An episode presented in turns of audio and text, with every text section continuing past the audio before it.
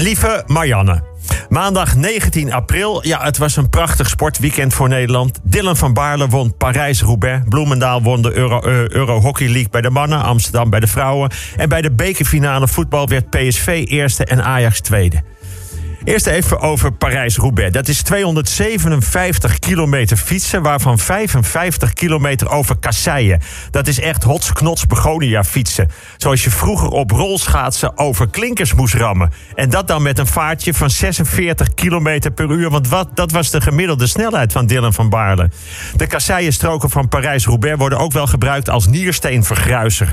Als je op zo'n kasseienstrook een bekertje volle melk in je rugzak hebt... dan is het na 30 seconden slagroom.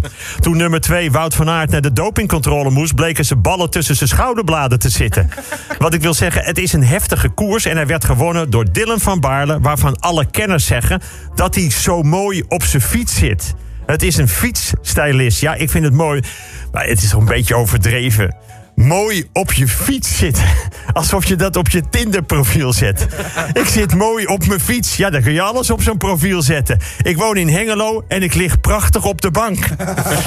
Ik ben een surffreak en ik kan geruisloos een winkelwagentje duwen. Sta open voor alles en snuit onhoorbaar mijn neus. Dat is allemaal gelul. Wat je er wel op kunt zeggen, winnaar Parijs-Roubaix en dan ben je een grote. PSV won de bekerfinale van de Ajax. Er was veel te doen over afgekeurde doelpunten... omdat spelers een paar millimeter buitenspel stonden. Ik vind het ook overdreven, maar ja, als je apparatuur gebruikt... en je meet een paar millimeter buitenspel, dan is het buitenspel. Je kunt niet zeggen dat je dan bijna geen buitenspel staat.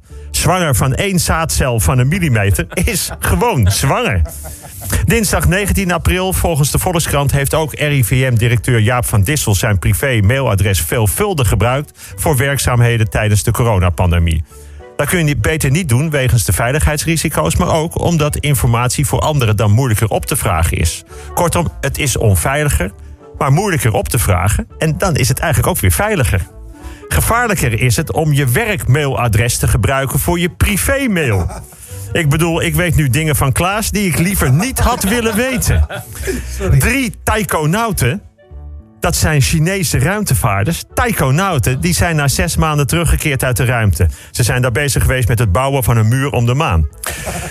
maar dat heet dus taikonauten. Bij Amerikanen heet het astronauten, bij Russen heet het cosmonauten, bij Hagenezen heet het kankernauten, bij Amsterdammers heet het cashewnauten en bij Maastrichtenaren heet het ruimteflyers. Nou, de 300.000 jonge padingen die vorige week op Schiphol in beslag zijn genomen, zijn terug in de natuur. De padingen probeerden vorige op glibberige wijze door de douane te glippen.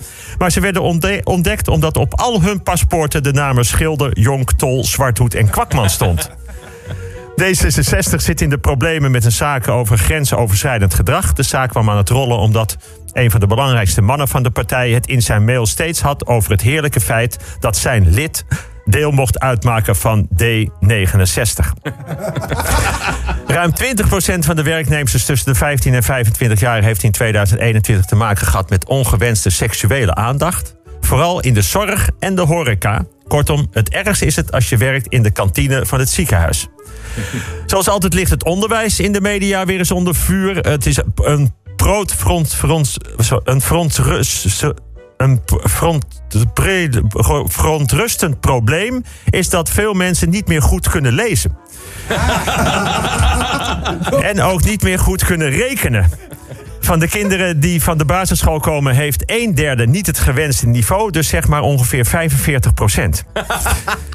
Bijna wekelijks dit soort berichten in de media. Misschien is het ook leuk om eens een keer te melden hoeveel er wel goed gaat in het onderwijs. Het lijkt mij sowieso altijd beter een, een betere ingang. Zo altijd. Als je thuis komt en je begint te zeggen tegen je vrouw: Jij bent zo'n verschrikkelijk dom wijf. dan is de kans klein dat ze zegt: Nou, wat fijn dat je thuis bent. Hoe was het vandaag? Woensdag 20 april. Het Wetenschappelijk Instituut van het CDA wil dat er voor fastfood eventueel een leeftijdsgrens komt van 18 jaar. Geen patat voor je achttiende. Ook geen friet. Want wat voor de een patat is, is voor de andere friet en andersom. Geen, nou, het doet mij denken aan mijn oude voetbalkantine. Daar kwam jaren geleden ook een totale kentering Alle vettigheid en frituur moest eruit. Het moest gezonder. Nou, wij hadden vroeger in onze kantine Tante Hanny en Ome Cor. Tante Hanny was 1,57 meter en 75 kilo. Ze was niet knap, maar aan het eind van een trainingsavond op een bepaalde manier opeens toch wel aantrekkelijk. op trainingsavonden danste ze op verzoek van ons de selectie eens in de maand op de, op de Barde Ken Ken op meerdere manieren onvergetelijk. En toen wilden ze de sportkantines gezonder maken. Nou, dat vond tante Hanny voor de jongste jeugd prima, maar voor de rest absoluut niet. Bij tante Hanny hoefde je niet aan te komen voor een waldkornbol met tomaat, pesto en buffelmozzarella. Die moet je maar gaan halen bij die vieze van de hockey die na een training of een wedstrijd nooit gaan douchen. En werd, uh, werd ome Cor ooit verteld dat ze in de kantine minder vette happen en gezondere dranken moesten gaan verkopen. Nou, zei ome Cor, als je in een voetbalkantine de meters bier en de kroketten weghaalt, dan kun je op het veld net, twee, net zo goed twee korven gaan zetten. Hun kinderen waren inderdaad wel wat te zwaar, maar hebben het later vrij goed gedaan bij het sumo-worstelen in Japan. Donderdag 21 april, er is een enorm tekort aan krantenbezorgers. Ik heb een tip. Krantenuitgevers willen extra bezorgers aantrekken met een bonus van 1000 euro. De huidige krantenbezorgers krijgen die bonus ook als ze een andere bezorger aanmelden. Dus tip: het beste kun je jezelf aanmelden bij een andere krant. Dan krijg je 1000 euro voor het aanmelden en 1000 euro als nieuwe bezorger. Neem het mee. Tipje. In Venetië moeten dagjesmensen voortaan 10 euro betalen om de stad in te mogen. Dagjesmensen in Amsterdam kunnen daar een uurtje voor parkeren. De huurprijzen zijn schrikbarend gestegen. Voor een maand huren in een appartementje in Utrecht kun je 120 keer een dagje Venetië in. Vrijdag 22 april, ja, dit vond ik een geweldig onderzoek. Het heet het Oreo-onderzoek. Oreo, Oreo. Het gaat met Oreo-koekjes.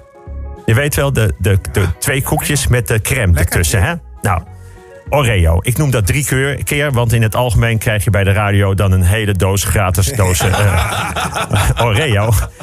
Die helaas dan Klaas in twee ochtendjes weghapt. Maar wat hebben ze ontdekt? Met een apparaat werd aan de koekjes gedraaid tot de boven- en de onderkant loslieten. En dan gingen ze kijken aan welke kant van het koekje de meeste crème zat.